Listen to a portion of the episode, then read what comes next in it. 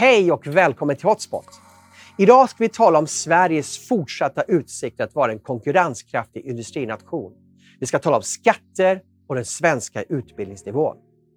Sverige låg 1970 på plats nummer fyra i välståndsligan, men har sedan dess tappat sju placeringar och ligger nu som nummer 11. Hur kommer det sig? Staten tar in 2 200 miljarder kronor i skatt varje år och vi tillhör ett av de högst beskattade befolkningarna i världen. Ändå upplever många att välfärdsstaten inte levererar ens de mest basala tjänsterna på ett tillfredsställande sätt. Skolan håller en alltför låg kvalitet i internationella jämförelser. Uppklaringsprocenten på brott är lågt och sjukvården är under stress med långa vårdköer. Finns det mer att önska när det kommer till hur effektivt landet sköts och hur skattemedel används? En som har frågat sig detta är Leif Östling. Leif Östling har tidigare varit VD för Scania, ordförande för Svenskt Näringsliv och suttit koncernledare för Volkswagen. Han har initierat en kommission för skattenytta som ska granska statens effektivitet när det kommer till hur våra gemensamma skattemedel används. Välkommen att ta del av mitt samtal med Leif Östling. Hej och välkommen till Hotspot Leif Östling. Tack du. Tidigare VD för Scania och du har varit ordförande för eh, Svenskt Näringsliv. Stämmer. Och suttit också i koncernledningen för Volkswagen. Ja. Och mycket annat antar jag också. En hel del annat Ja. också. Eh, jag tänkte att vi ska prata om skatter och svensk konkurrenskraft. Men innan vi går in på det så eh, tänkte jag fråga, du har ju ofta varit i clinch med svensk offentlighet, eller ett par gånger i alla fall. Eh, bland annat så eh, uttryckte du med en svordom, vad får vi för pengarna? Eh, valrörelsen 2018 var det också att du ansåg att vi har fastnat i en socialistisk tankemodell med planekonomi och byråkrati. Eh, och du intervjuades också i Sveb-TV där du sa att vissa eh, etniska grupper inte jobbar lika mycket som andra. Eh, och då har du ju fått smaka på dels en cancel culture. Eh, jag tror i Södertälje fick du kliva av från vår science park eller vad för någonting. Eh, med de här bakgrunden, vad, vad, vad tänker du om svenskt debattklimat? Och man talar om åsiktskorridor och sådana saker. Vad har du för tankar kring det? Ja, det här är ju ett stort, mycket svårt område. Och eh, jag kan säga med min bakgrund upp från Norrbotten och eh, umgåtts med väldigt mycket utav västerbottningar och eh, ner mot Jämtland och Härjedalen. Eh, känner ju människorna där och man är ju mycket mer öppen och rak. Eh, när man tycker någonting så tycker man någonting och eh, sedan så tycker motparten också någonting. Och det är ju en del utav debatten.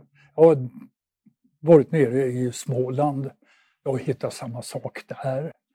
Och eh, jag gick på Chalmers i Göteborg och göteborgarna är ju minst sagt väldigt öppna med glimten i ögat. Och, Eh, min fru kommer från Värmland, västra Värmland, där man alltid har berättat historier och berättat ganska rakt på. Och jag vet min svärfar som sa, ja, sa han, hur kan ni bo i Stockholm? Det är det här stockholmarna, sa han. Om man sitter och sköjar med dem på bussen, då tror de man är full. hur kan ni bo där? Och jag säger väl så här att det här med åsiktskorridoren, det ser jag som ett Stockholmsfenomen. Mm. Det är här det finns. Och eh, som de alltid sa i Göteborg när jag bodde där, det bästa med tåget från Stockholm det är att du återvänder till Stockholm. Så eh, det finns en kultur i det här huvudstaden. Mm. Och eh, den kulturen, eh, den eh, är nog det, den kulturen som ligger bakom åsiktskorridoren här. Mm. Och eh, De stora medierna är då placerade i Stockholm. Stora medier är placerade Mm. i Stockholm, Mm. allt egentligen och nu också eh, väldigt mycket utav det digitala eh, medierna är ju placerade här i Stockholm. Och det är väl lite grann när man kommer upp i Norrland så om man pratar om Stockholm. Ja, säger jag, fjollträsk. Mm. Hur kan du bo i fjollträsk? Det är ju bara märkliga människor Mm. som bor där. Så lite grann utav den här tystnadskulturen eller åsiktskorridoren om man säger det, den kommer härifrån Stockholm. Mm. Så jag har inte brytt mig så mycket om det. Ja, jag förstår. Eh, hur är det bland dina kollegor? Alltså du, du rör dig ju bland näringslivstoppar. Du är en av de främsta näringslivsprofilerna vi haft i Sverige i modern tid. Eh, är man frispråkig som du är? För jag kan ju se idag att det finns en identitetspolitisk påtryckargrupp som trycker nu väldigt mycket på företagen med olika former av woke-idéer som man kallar det för. Och, och de säger hoppa och det känns nästan som näringslivet säger hur högt. Mm. Eh, jag, jag, såg en, eh, en internbrev då från en av de stora svenska eh, byggbolagen. Jag ska inte säga vilket då, men då hade de ett internbrev. De hade åtta artiklar. Det här var under förra sommaren, det var cementakris. Och av åtta artiklar var det sju som var då hbtq-artiklar och en, och den låg sist faktiskt, om cementkrisen. Eh, eh, hur ser du eh, eller vad, vad, vad, vad hör du, vad ser du bland dina kollegor eh, kring det här med identitetspolitik, åsiktskorridor och så vidare? Ja, det, det här är ju lite grann eh, besvärande. För man vet ju att besluten tas här i Stockholm. Eh, de ultimata besluten tas här i Stockholm. Och eh, det är ju inte bara politikerna som fattar beslut här i Stockholm, utan vi har ju alla ämbetsmän eh, för alla olika departement och vad heter de, ja, de som håller på med sjukvård och annat sånt där. Det finns ju här i Stockholm och på något sätt så vill man inte riktigt stöta sig med de här. Det är försiktighet. Mm. Och jag vet inte om det här är bra eller dåligt. Mm. Men det är som det är. Mm. Och det får man leva med. Så de är ganska tysta anser du då?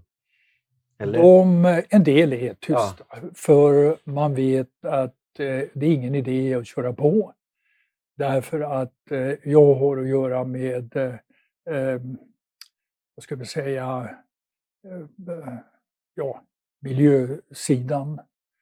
Eller eh, vad det nu kan vara. Jag vet att jag retar bara upp dem. Mm. Och det kommer inget gott utav det här. Utan då är det bättre att man försöker jobba på ett annat sätt. Mm.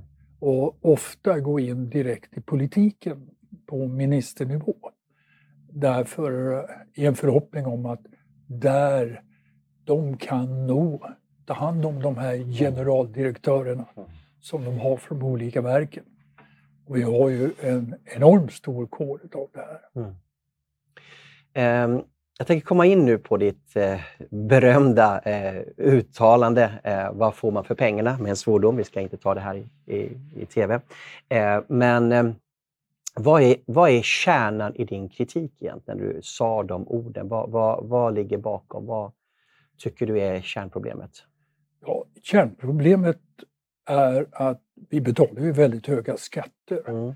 Direkta och indirekta skatter man har ju väldigt, men om vi tar moms, arbetsgivaravgifter, det är också skatter. Och eh, det ligger någonstans på 55 procent. Och vi ligger på ett skattetryck som är 10 procentenheter högre än vad de flesta OECD-länder som vi jämför oss med ligger. Och jag tycker som medborgare och när man jobbar ute i näringslivet och lyssna på kunder. Det är det första kunderna frågar. Ja, vad får jag för alla pengar jag har betalat? För en produkt eller för en tjänst? Och det är klart att vi medborgare måste ju kunna ställa samma fråga mm. utan att folk som sitter i administration blir förbannade. Och eh, bara som exempel när det gäller sjukvården, och det var det som låg lite grann i det här också när jag sa, ja, vad får vi för pengarna? Mm. Hur kan det komma sig att eh, jag har bott i Holland, jag har bott i Tyskland, jag kan jämföra sjukvården. En tysk läkare och en holländsk läkare behandlar ungefär 2200-2400 patienter per år. En svensk läkare ungefär 700-800. Hur kan det komma sig att det är så stora skillnader? Vad är det som äter upp eh, arbetskapaciteten hos de här? Jo, det är förmodligen väldigt mycket or eh, en organisation, mycket byråkrati och eh, ett system som inte fungerar speciellt bra. Mm. Och det måste vi ju kunna ta upp. Mm. Därför att det går inte som det har varit och fortfarande är. Får, ser politikerna ett problem någonstans så analyserar man ju ja, ibland problemet men man går inte till botten med det och säger ja, nu har vi analyserat det. Hur ska vi åtgärda det här? Utan standardsvaret är vi behöver mer pengar mm. för att stoppa in det här. Och det vet vi från näringslivet. Det hjälper inte, man löser inga problem genom att stoppa in mer pengar. Man måste förstå vad är problemet och hur åtgärdar vi det här problemet och få människor att förstå som jobbar i den organisation där problemet har skapats förstå att om man gör på det här sättet så kommer det här problemet tillbaka, tillbaka, tillbaka, tillbaka. Oberoende av hur mycket pengar man stoppar in. Och vi måste ju ändå titta på medborgarna från den offentliga sidan. Medborgarna betalar ju in väldigt mycket. Och det är väldigt viktigt att vi har en bra infrastruktur i landet. Och infrastruktur, det är ju också utbildning, det är sjukvård, det är ett försäkringssystem när det händer saker och ting med människor. Det är otroligt viktigt för näringslivet för att kunna fungera mm. och fungera väl. Men då måste vi också se på de här verksamheterna med mycket mer eh, ska vi säga, ögon på effektiviteten, användningen av resurser. Och det är ju som så, det har vi lärt oss i näringslivet. Hög effektivitet ger alltid hög kvalitet. De är 100% korrelerade med varandra. Låg effektivitet ger alltid låg kvalitet. Det är så enkelt. Mm.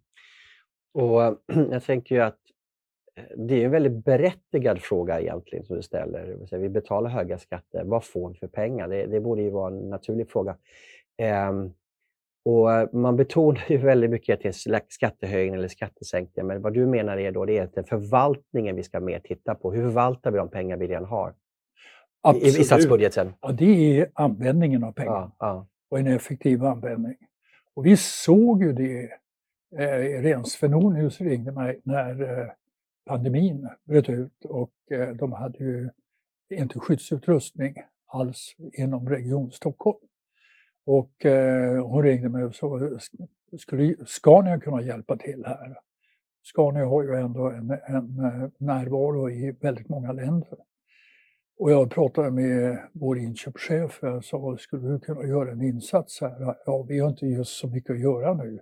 För de hade ju stora bekymmer med försörjningskedjorna och att få hem varor, eh, insatsvaror från olika delar av världen. Containertrafiken var ju lamslagen. Som sa, jo, vi har folk. Så de gick in inom Region Stockholm och tittade på inköpet. Och efter en vecka så ringde han mig och sa, du Leif, jag, jag förstår den här artikeln du skrev med Björn Rosengren för ett antal år sedan om eh, hur få patienter en svensk läkare behandlar jämfört med Tyskland och eh, Nederländerna, Schweiz också. Alltså det är helt bedrövligt. Här har vi Region Stockholm. De har ett inköp på lite över 80 miljarder kronor per år. På Scania har vi 60 miljarder per år. De har för inköpet 20 jurister och 40, in, 40 inköpare, det är 60. Vi har över 400 personer för att köpa betydligt mindre. Och när vi kommer ut dit och vi frågar dem efter, ja, specifikationen, vad, vad, hur ser, vad är det för specifikation på, på ett munskydd, på ett visir, på eh, skyddskläder? Det finns inga. Det är ju det första vi börjar med. Vi låter ingenjörerna gå igenom det här, titta på det och eh, eh, göra test och prov för att vi ska få en, en känsla för vad är en rimlig kostnad för den här produkten. Det finns ingenting sånt.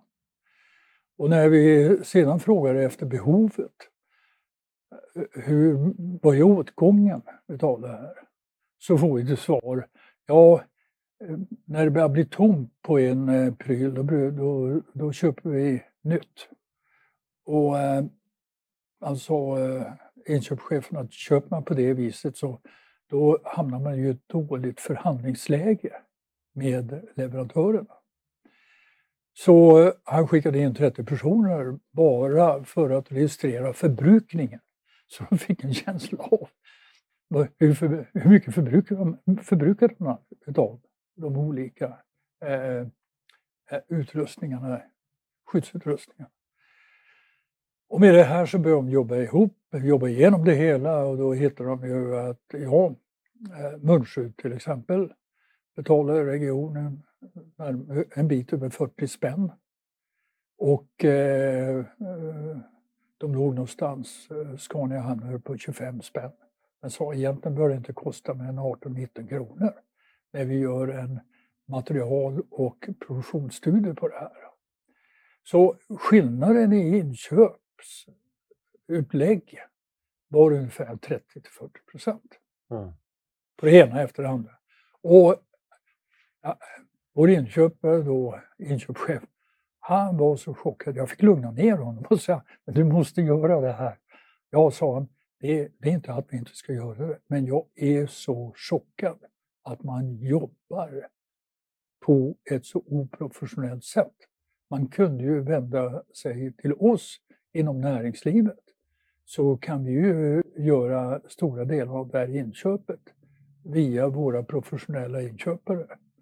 Och eh, om jag då med en besparing på, räkna lite, eh, säg 15 procent på 80 miljarder det är ändå en bit över 10 miljarder spänn. Om jag får en miljard per år för att göra det här jobbet, då, då, då skulle jag göra det med glädje. Mm. Och jag testade det med Irene Svenoni som sa nej, det är tyvärr omöjligt.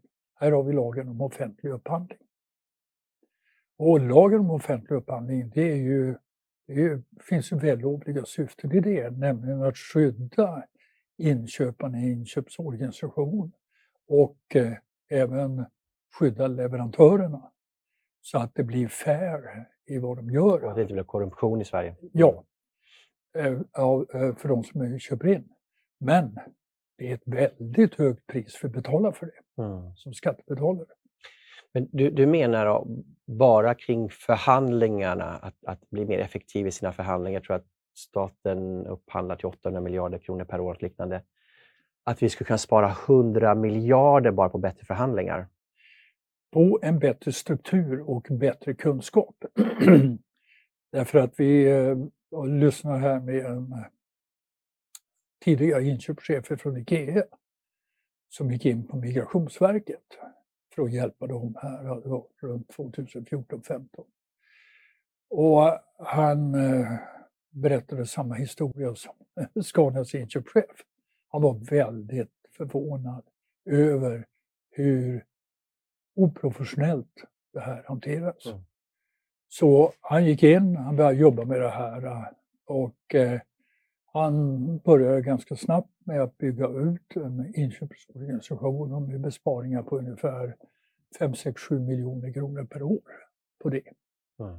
Och eh, sen så gick det upp till ännu högre belopp. Och generaldirektören var nöjd och efter några år så kom det en ny generaldirektör Nej, men så, som sa du kan inte ha så många inköpare. Ja, men det är ju tack vare dem som kan göra ett professionellt inköp. Nej, det blir för stor personalbudget. Vi har inte råd med det. Och då tittar man bara på budgeten för personal och inte på helheten. Och eh, här kan man säga, han eh, touchade och jag såg det här ifrån vår inköpschef.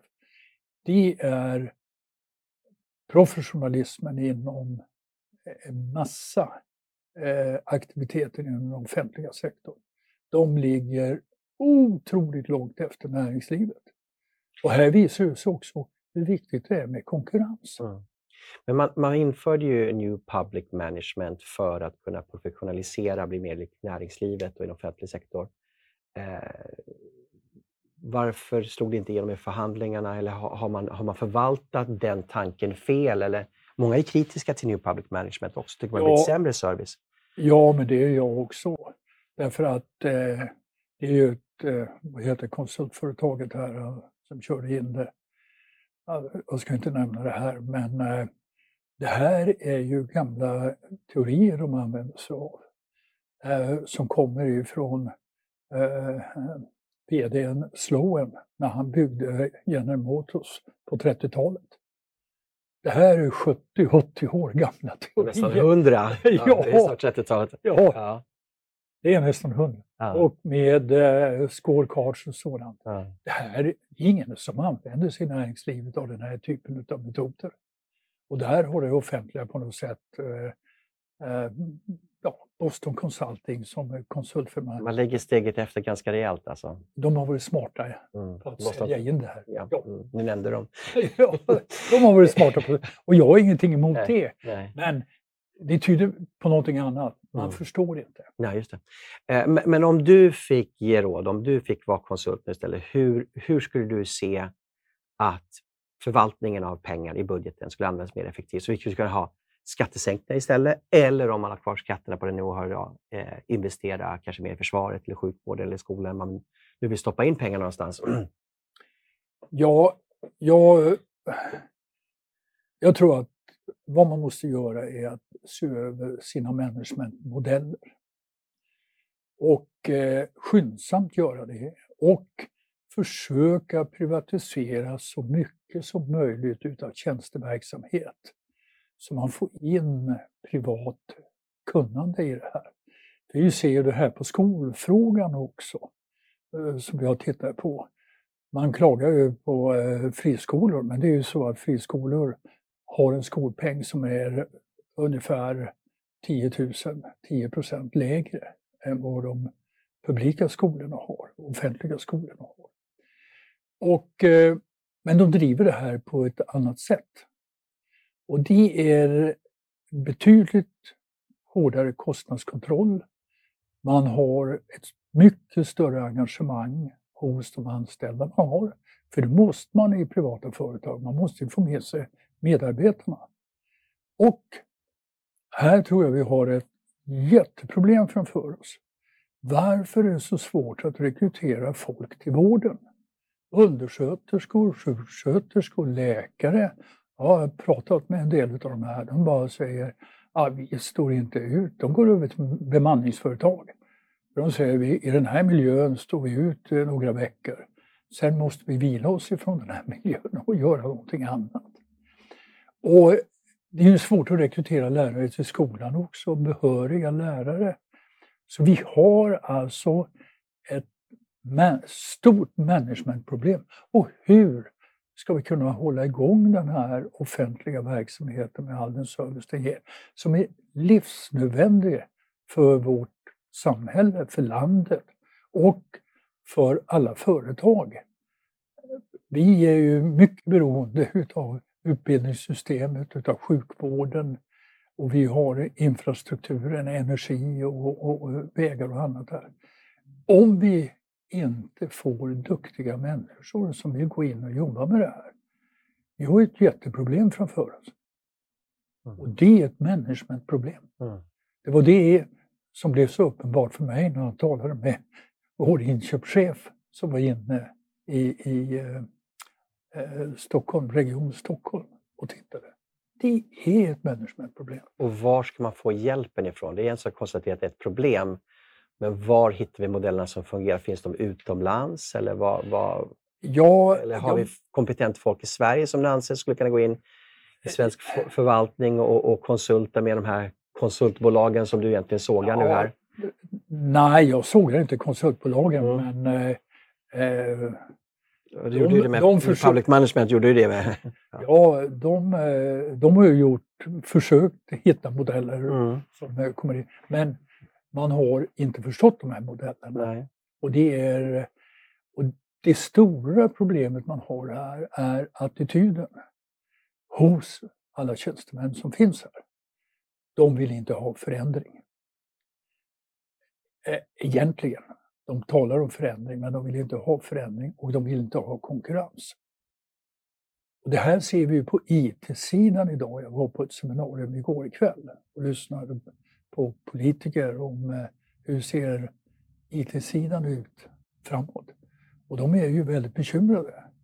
Och samtliga av de här säger det stora bekymret är attityden hos våra kommuner, hos våra regioner och även på den offentliga sidan. Varför vi inte, och alla skyller på eh, eh, att man inte får släppa ut data, integriteten, personliga integriteten, eh, som förevändning för att inte göra några förändringar. Men varför kan inte sjukhussystemen från söder till norr kommunicera med varandra? Varför måste man skicka eh, eh, allting per, eh, per mail eller, eller eh, eh på att säga, med brev när det gäller sjukhus, eh, när det gäller journaler över patienter istället för att kunna bara plocka upp det här direkt. Problemet är systemen kommunicerar inte med varandra. De snackar inte med varandra. Och det är ju likadant med utsatta områden. Eh, socialtjänsten får inte lämna ut information till polisen. Och de får inte heller lämna ut eh, till eh, så att säga, sjuk, sjukvårdsförvaltningar och, eller försäkringsförvaltningar. Mm. Så man har ju byggt här vattentäta system. Det är silo på silo på silo på silo. Mm. Och det är så fastgjutet. Mm.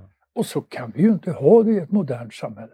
Och det är ju en av orsakerna till varför jag tror att många som kommer in i den här miljön, de lämnar miljön snabbt. Och, och vi som patienter får inte tillräckligt snabb vård exempelvis för att det är så tröga, det är så tröga. tröga processer. Mm. Ja, och sen är det ju som så i stora sjukhus, jag pratade här med en läkare, att eh, eh när du går från den ena disciplinen, hjärt och kärl, de har sitt upplägg och sen har du mage har sitt upplägg och sen har du nerverna har sitt upplägg. Och ska du skicka en patient från den ena till den andra, då får du manuellt föra över alla data mm. in i det system då som till exempel kirurgin använder sig av.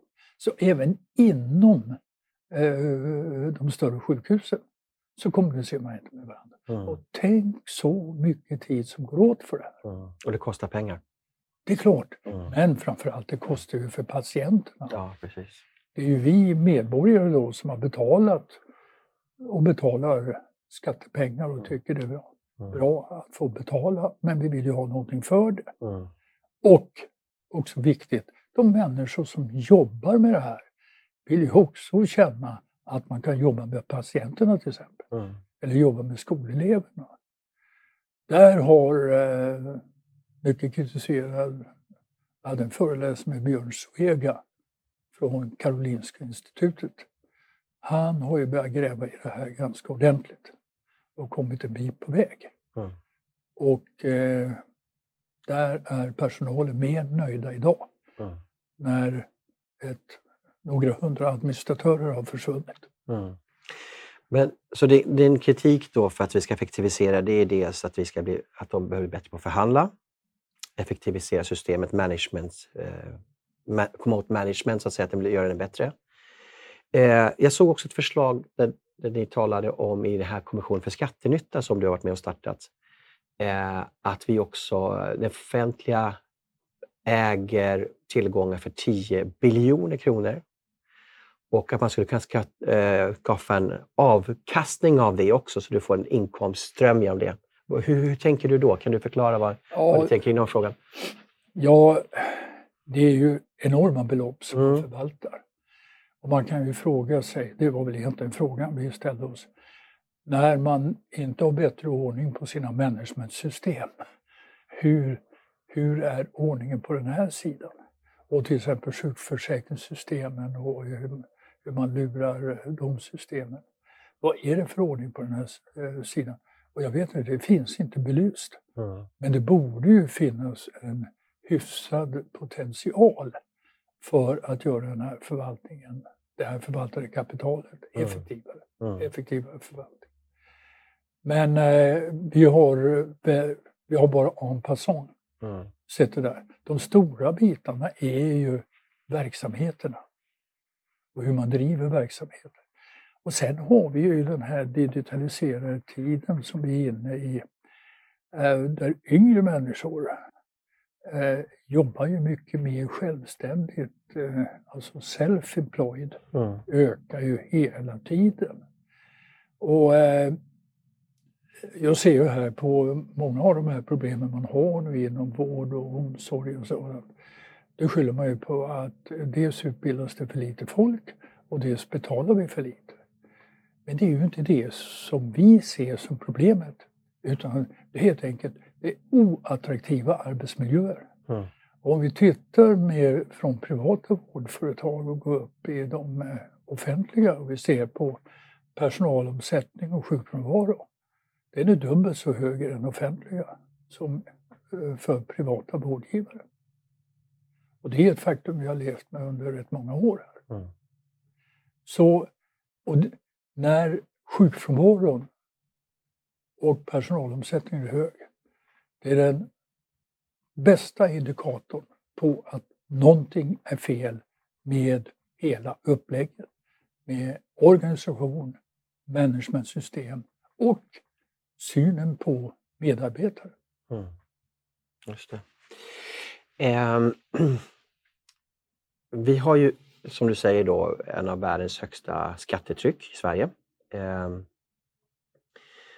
och Eh, vi får inte våra mest basala service som vi förväntar oss inom sjukvården, har vi pratat om mycket nu. Och man, vi ser att vi behöver rusta upp svenska försvaret, eh, uppklaringsgraden inom polisen är alldeles för låg och vi har ju tappat mycket internationella undersökningar kring eh, skolresultaten i jämförelse med andra länder. Ehm, när kom vi till den punkt där vi kan, kanske ser att den allmänna skattemoralen kommer att skadas, att folk inte vill betala in skatt, att folk kommer vilja börja fuska mer därför att man betalar in mycket men man får inte det mest betalade tillbaka till service. Ja, jag tror på något sätt, i, vi är redan där när det gäller medelinkomsttagarna. Man nu pratar, pratar om höginkomsttagare och att man ska öka skatten där. När vi ser på de effektiviseringspotentialer som finns så skulle vi egentligen kunna sänka skattetrycket här med 10 procentenheter. Det är 500 miljarder mm. som går bort i ett ineffektivt utnyttjande av våra skatter. Det ligger på den nivån.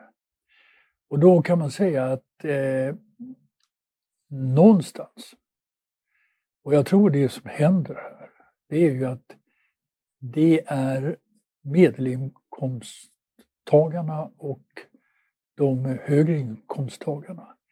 Det är de som sätter agendan i den här skattefrågan. Mm. Människor som har låga inkomster betalar relativt liten skatt och de har svårt att få sin vardag att gå ihop. Och det upptar de mycket, mycket mer. Mm. Och lite grann är det det som händer just nu. När bränslepriserna går upp, energipriserna går upp och matlådan, korgen, blir så mycket dyrare. Och vi kommer att få ett uppvaknande här hos större delen av vår, vår eh, befolkning som är eh, röstberättigade när det gäller plånböckerna, plånboksfrågorna. Mm. Vad får jag för alla skattepengar jag betalar in? Det kommer att eh, ligga väldigt högt på prioriteringslistan framöver. Mm. Och det tycker jag man ser nu hos vissa av de politiska, framförallt de större politiska partierna. De håller ju på att inse det här. Eh, man vände ju först eh, när det gäller Nato från, vänster, från Socialdemokraterna. Nu har man ju gått ut och sagt kärnkraft måste vi ha och vi måste använda den kärn, de kärnkraftverk som vi har, även om de är i malpåse. och få igång det här. För vi måste få energiframställning som gör att vi inte helt och hållet sitter i händerna på de kontinentala eh, energiproducenterna och de energipriser vi har där nere. Mm. Så någon, det, det som är mest viktigt här nu, det är kanske att den här krisen får blomma ut ännu mer ett halvt år till ett halvt år till in i nästa år.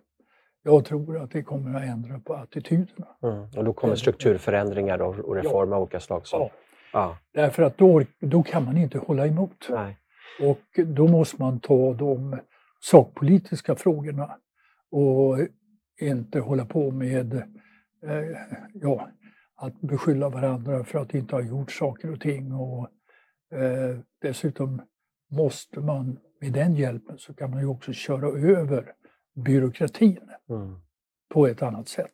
Men det kanske är bra med krisen. Jag tänkte på 90-talskrisen så, så vi hade ju devalverat hela tiden. Mm. 70 80-talet så kom 90-talskrisen och man kom till vägs ände och då gjorde man de reformer man behövde göra. Jag tror Assar Lindbeck som ledde den här kommissionen eh, som la grunden till 30 års svensk ekonomisk tillväxt. Eh, jag tror att från 95 till 2017 eller 2018 så har vi haft en 80-procentig reallöneinkomstökning.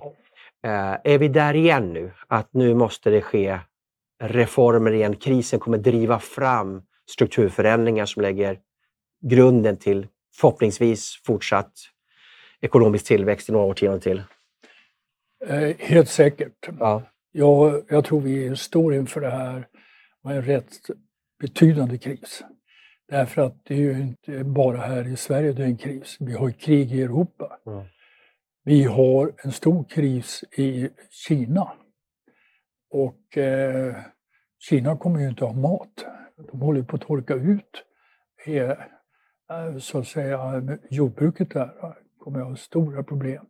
Och vi ser också hur kostnaderna ökar i Kina. Så att fastighetskris har de också. Fastighetskris mm. kommer. Mm. Och i Ryssland har man ju en stor politisk kris. Mm. Eh, och vi har över i USA finns det ju också eh, tydliga tecken, kristecken med Donald Trump och eh, Eh, överhuvudtaget det som är på gång. En politisk polarisering var det Poli Ja, mm. stor politisk polarisering. Och eh, vi har ett antal kriser nu som kommer upp. Och eh, det här kommer ju påverka ekonomierna, helt klart. Och eh, det gör ju också att människor tittar tillbaka på den här fina tiden och så säger, ja men hur ska vi nu kunna ta oss framåt? Och då blir det att få tillbaka det här. Och eh, då ökar ju trycket på det politiska ledarskapet. Och också den offentliga sidan när det gäller förändringar. Liksom företagssidan. För det är ju, delar av företagssidan har ju haft det, man har ju haft, vi har ju haft det väldigt bra under många år här. Så kris är bra. Mm. Nu tror jag att pandemin den väckte upp eh, eh, företagssidan och de internationella företagen med försörjningskedjor eh, och annat där. Man börjar se om sitt hus då. Men den offentliga sidan har inte sett om sitt hus. Mm, mm. Men det kommer nu. Just det. Eh, apropå då de här förvandlingarna i företagssidan så tänkte jag komma in på svensk konkurrenskraft. Eh, och tänkte börja med, du är ju en del av en väldigt fin svensk ingenjörstradition. Hur ser du, eh, kommer den här traditionen att leva vidare? Eh, hur ser du på de svenska tekniska högskolorna? Håller de den kvalitet de behöver? Har vi det intresse att vilja bli ingenjör i tillräcklig utsträckning i Sverige och håller de elever som kommer till, eller studenter idag, till och med håller de tillräckligt hög kunskapsnivå för att kunna ta till sig undervisningen på de tekniska högskolorna? Ja, det här är ju en otroligt viktig fråga. Och när vi tittar på internationella jämförelser så kan vi ju konstatera att kunskapsnivån hos den relativa kunskapsnivån har ju gradvis blivit lägre i Sverige. Den eh, svenska skolan presterar sämre. Och det här är ju otroligt allvarligt för industrin, för näringslivet och generellt. Och eh, vi behöver ingenjörer. Men vi ser ju det, var halkar skolan framförallt efter? Jo, det är på de naturvetenskapliga ämnena. Matematik, fysik. Talar du om grundskola och gymnasium nu eller talar du om universitet? Jag talar om eh, grundskola och gymnasium. Mm. Därför det är där som är, som lägger grunden för alla de som söker in på högskolor. Och jag satt i styrelsen för KTH under rätt många år. Och där fick vi ha en förberedande kurs i matematik och fysik. Det var en ettårig utbildning för att eh, gymnasium, väl godkända gymnasieelever skulle kunna klara av sina studier på KTH. Så att eh, det har kommit till sådana extrautbildningar. Mm. Men eh, frågan är ju varför skulle inte vi kunna få upp kvaliteten på eh, grundskola och eh, gymnasium när det gäller de här eh, ämnena. Naturämnena, ja. Naturämnena, mm. så att vi kan få en högre kunskapsnivå på de som kommer in.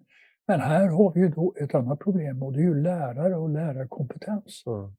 Och det är ju det man ofta skyller på, vi får inte tag på lärare i naturvetenskapliga ämnen. Tillräckligt kompetenta lärare. Mm. Så det är bara att konstatera, här har vi också ett problem. Ja, jag tittade på intagningspoängen på KTH till, eller om det var, nej, förlåt, lärarhögskolan var det, kring naturämnena och de var oerhört låga.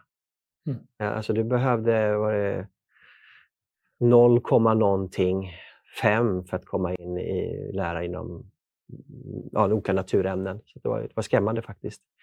Förra veckan hade jag här Magnus Henriksson och eh, Johan West talade just om dumbing down, hur den svenska skolan har tappat väldigt mycket eh, jämfört med ö, övriga länder. Eh, så att, eh, titta på, jag tittade på förra veckans program faktiskt tala om just grundskolan.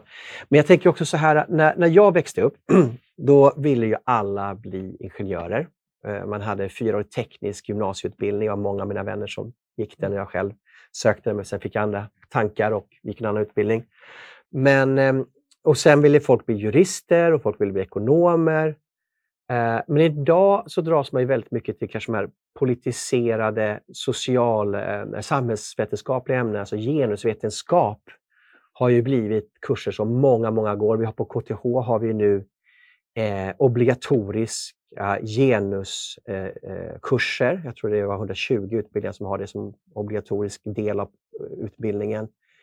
Eh, är det inte här ett problem att, att vi i de här naturämnena inte fokuserar på naturämnen, men även har ganska liksom, politiserade ämnen som man för in? Ja, det här är ju ett tecken på den utveckling som vi är inne i. Mm. Och eh, jag tror att vi behöver gå tillbaka till en mer, mer fokus på de naturvetenskapliga ämnena. Sen har vi en annan sida när det gäller genussidan och eh, det är ju på, jag tycker på, se mer och mer väldigt duktiga kvinnliga ingenjörer. Och på något sätt så verkar det som att de är på väg in mer än vad killarna är i näringslivet. Så ja, vi kanske har uppnått någonting bra, uppnått mm. någonting bra där. Mm. Men den totala volymen av de som utbildas, den är ju för liten. Eh, hur, hur, lätt är det för de svenska företagen, Volvo, Scania som du har varit VD på och andra teknikbolag, de stora gamla svenska bolagen, SKF och allt vad de heter. Hur är utbudet av nya ingenjörer? Är det lätt eller svårt för dem att få tag på kompetent folk? Vi har ju en internation, äh, internationalisering där. Mm. Och det är ju som så att jag tror av SKFs totalt antal anställda så är det 92-93 procent som är utanför Sverige.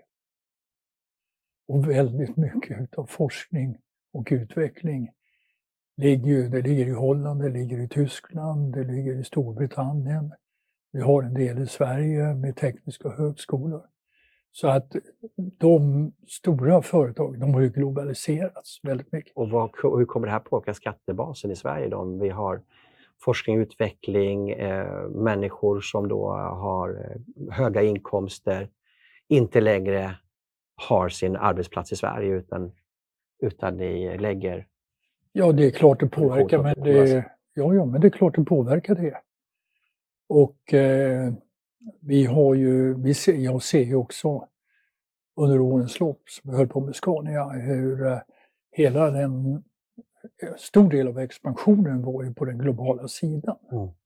Och eh, jag vet inte riktigt idag, men jag tror att eh, av Scanias anställda, direkt anställda, så är det inte mellan 15 och 20 procent som är i Sverige, resten är utanför Sverige. Mm.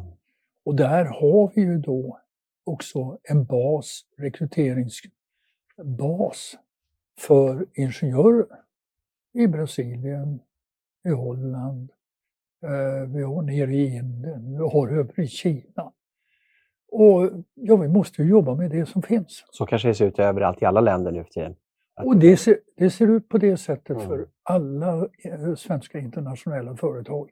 Det är en rätt liten del av verksamheten som är i Sverige. Du kan ta Volvo, Volvo lastvagnar. Det är inte mycket av verksamheten som är i Sverige. De har det i USA.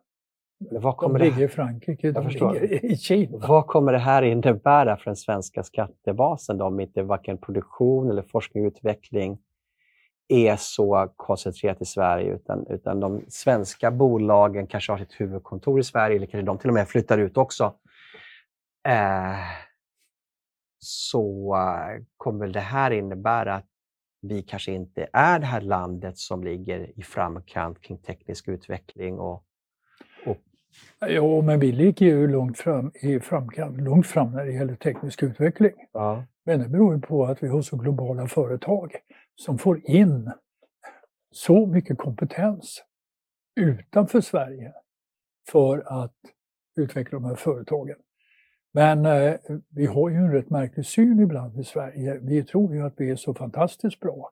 Och de här som jobbar i olika länder, 80-90 procent av ingenjörerna som jobbar i andra länder men jobbar för de här stora svenska företagen, ja de ser vi ju som att ja, men det är, de är svenskar. Mm. De är inne här. Men du har helt rätt. Skattebasen håller på att förändras väldigt kraftigt. Hur, hur ser du en konkurrens? Kommer vi fortfarande vara en industrination om 20-30 år? Kan vi, eh, kan vi kompensera på det här på något sätt med automatisering? Eller hur? Eh, ja, det, vi, vi har ju automatiserat väldigt mycket mm.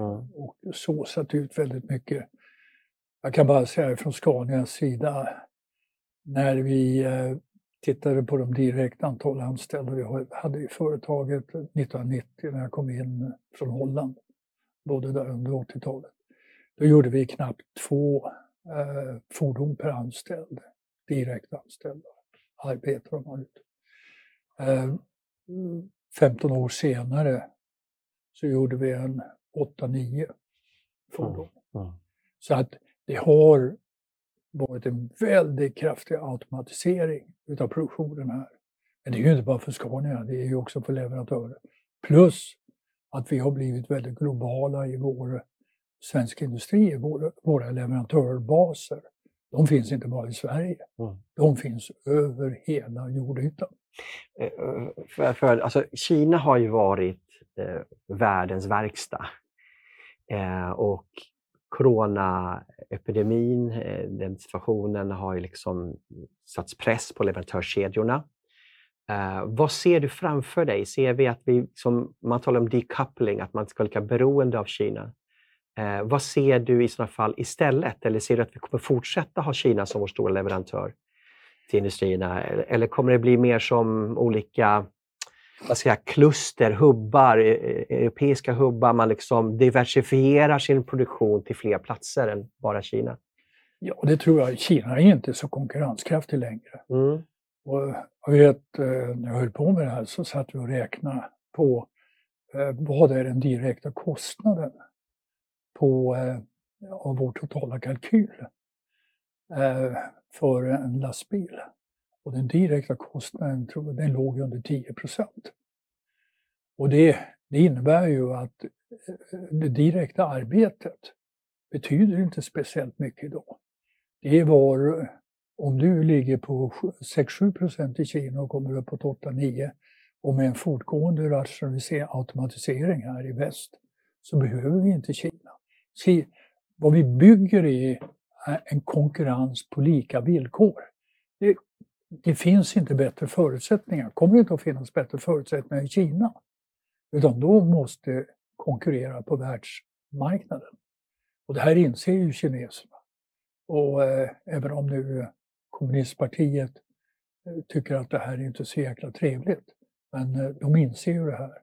Och det har ju att göra med att kineser, förlåt mig, kineser är ju, eh, de, de, de, de har ju folksjälen. De är kapitalister i folksjälen. Kommunister har de aldrig varit. Det är några få i toppen. De som kommer att lida mest av det här och gör det, det är ju faktiskt ryssarna med sina... De är inte industrialister, de är inte... De är råvaruförsörjare. Och eh, med det så tror jag också att de tänker lite fel idag, mm. som håller på så. Mm. Men det, kartan ritas om enormt. Och de här globala företagen vi har i Sverige, internationella, de kommer att fortsätta att vara globala företag. Men vi ska ju inte slå oss på, eh, för bröstet här och säga vi är så jäkla duktiga i Sverige. Ja, det är bara 7, 8, 9, 10 procent av de som sitter i Sverige som är duktiga. Mm. 90 procent sitter utanför Sverige. Mm. Men om vi tittar på kartan då, jämt geografiskt. Ser du att det, produktionen kommer komma tillbaks mer till Europa eller Europas närhet? Mer till USA? Alltså nord, kanske att det lokaliseras inte bara i USA utan kanske mer i Mexiko? Eller vad, så att det sker en utjämning, att det går tillbaka den här produktionen? Ja, men det, det kommer att göra. Och ja. det, är, det är inte kostnaden för direkt arbete som kommer att vara utslagsgivande framöver. Mm. Det är tillgången till råmaterial och det är tillgången till utbildat folk. Så utbildat folk, råvaror? Ja, det kommer att vara det. Mm. Och stabilitet i ekonomin. Transporter då? Transporter är viktigt. Det har varit en flaskhals nu, transporterna. Att... Ja, det har varit. Mm. Och, då, det kan du, och det måste man ju lägga på. Mm. Ska du transportera eh, gods från andra, eh, runt halva jordklotet, så har du en transportkostnad. Och eh, den är ju i många fall klart högre än styckekostnaden för det du, du transporterar. Mm. Och det skjut, förskjuter ju eh, leverantörerna från Kina då över till Europa. Till det, exempel. Om vi, om vi tar nu Europa till exempel, var tror du produktionen kommer hamna? Kommer hamna mer i Östeuropa? Eller kommer de tillbaks till Sverige och de västerländska länderna? Eller vad, hur? Jag tror det kommer att bli eh, i många länder i Europa. Europa, i EU, där alltså också eh, stabilitet och lönekostnader spelar viss roll. Mm. Men det är framförallt kompetens. Mm. Kompetens, kompetens. Och att man har en bra kompetens. Det är ju ett av de stora problemen vi har med invandring ifrån här, grupper från Mellanöstern och Afrika. Att de kommer ju från helt andra samhällen. De kommer ju från samhällen och strukturer som min farmor och farfar hade i början på 1900-talet. Och så ska man stiga in i de här helautomatiserade miljöerna där det krävs så mycket av kunskap och kompetens. Det finns inga enkla jobb längre mm. för den här för eh, avancerad maskinutrustning till exempel. Jag tänkte precis komma in på det här faktiskt. Det här delen mellan de närande och de tärande. Eh, vi har ju liksom byggt en modell i Sverige då med en välfärdsstat som är väldigt om, eh, alltså omfamnar alla i samhället och den bygger ju på plikten att folk vill jobba, att folk jobbar, betalar in skatt, att den tärande delen är förhållandevis liten mot den närande delen. Och det är ju självklart då barn och pensionärer, men när du har människor i arbetsför ålder som är en växande andel tärande, vad, vad ser du för... Eh, eh, vad, vad är dina utsikter kring det här? Kan vi få in fler människor som inte då kanske har den här kompetensen? Du menar att vi inte kan ha fler enkla jobb, Foodora-bud eller, eller hur, hur ska vi lösa det här? Hur ska vi, kan vi få upp kompetensen på något sätt eh, bland de som redan är i arbetsför ålder? Eller hur, hur kommer vi åt det här? Ja, det här är ett jätteproblem. Och jag har ju sett det här på nära håll där jag växte upp i Luleå när man byggde Norrbottens järnverk i Luleå. Och det kom in folk utifrån byarna som överhuvudtaget inte hade någon eh, kunskap om ett mer komplicerat samhälle och hur lång tid det tog för dem att lära sig. Eh, hur lever man i en lägenhet? Hur lever man med eh, att gå ner till butiken och handla och alltihop det här? Och jag tror att vi underskattar eh, så att säga, det enorma steg som de här människorna som kommer, inte från europeiska länder, men, eller från USA, inte heller från Kina, för de är avancerade, men som kommer ifrån Mellanöstern och ner från afrikanska länder. Alltså det är ett jättesteg de har att ta. Och där många av barnens föräldrar också har en väldigt svag utbildning och kanske inte heller är läs och skrivkunnig. Alltså de här barnen har det jättejobbigt mm. att komma in. Och jag tror att vi underskattar vilken enorm resa. Det är ju, det är ju som för dem att göra en, en, en moonlanding och komma på månen när de kommer hit. Mm. Det är helt otroligt. Och att tro att de bara kan klara det här så här. Det har ju att göra med en väldigt idealiserad syn på människor. Jag har ju varit och rest i Afrika och har träffat mycket folk där i olika delar i mitt jobb. Jag kan ju jämföra med hur det är här. Men det här förstår inte politiker i allmänhet och inte tjänstemännen heller. De har inte den erfarenheten. De utgår ifrån Ja, men de kan väl ungefär vad vi kan i Sverige. De har ju smart. Men det är alltså en gigantisk förflyttning ifrån ett mycket enkelt samhälle till ett mycket komplicerat, komplext samhälle. Kommer vi klara av det? Det är väldigt stora volymer som har kommit på väldigt kort tid med väldigt låg utbildning. Kommer vi klara av det? Och om du tror att vi gör det, hur ska vi lösa det? Så? Ja, har vi något val? mm. annat än klara av det. Det är klart vi måste klara av det. Mm. Vi, eh, jag tror att det är väldigt viktigt det är ju utbildning, utbildning, utbildning för de här människorna. Så långt det är möjligt. Men har man en väldigt dålig grund, bas, att stå på, så är det väldigt grundläggande utbildning. Men det är ändå med en sån grundläggande utbildning så är det ett jättesteg att ta sig in i det här om jag, om jag, hör, om jag Men, tolkar dig rätt vad jag hör nu, så säger du att egentligen den första generation som har kommit kommer nog kanske inte funka för. Men vi måste se till att den andra generationen får den utbildning den behöver. Så skulle jag säga, mm. att inte hela första generationen, men eh, en betydande del av den första generationen som har kommit hit. Mm. Både män, men framförallt kvinnor med den syn man har på kvinnor i, i de här länderna. De ska föda barn, de ska ta hand om hemmet och det. De kommer ju aldrig ut, mm. egentligen. Så eh, vi behöver gå in och satsa stenhårt på den andra generationen. Där finns hopp. Men mm. vi behöver satsa på den tredje också. Ja, jag förstår. Sista frågan, eh, eh, kort svar. Um, för att vi också ska ha en stor andel närande så måste vi också rätt proportioner i barnafödandet. Och på 30-talet skrev Alvar Myrdal, Alvar Myrdal den här boken Kris i befolkningsfrågor. Man hade väldigt låga födelsetal. Eh, vi är där igen. Mm. Hur ska vi få upp barnafödandet i Sverige? Om du kan ge mig ett kort svar. Egentligen tiden ut där. Men... Ja, det kommer vi ju inte att få. Nej. Och det är ju bara att titta på Kina, Mm. där befolkningen minskar. Och man räknar med att fram till år 2100 så kommer den kinesiska befolkningen att ha minskat med 400 miljoner. Mm. Och i utvecklade länder så kommer inte befolkningen att öka. Den kommer att minska. Men det innebär ju att då blir ju belastningen mycket mindre på miljön, på omgivningen, på CO2, alltihopa. Det här är vad vi har framför oss. Vi har också en minskande andel närande. Just det. Mm. Så kommer det vara. Har vi tänkt på det här? Inte alls, vi vågar inte tänka den här tanken.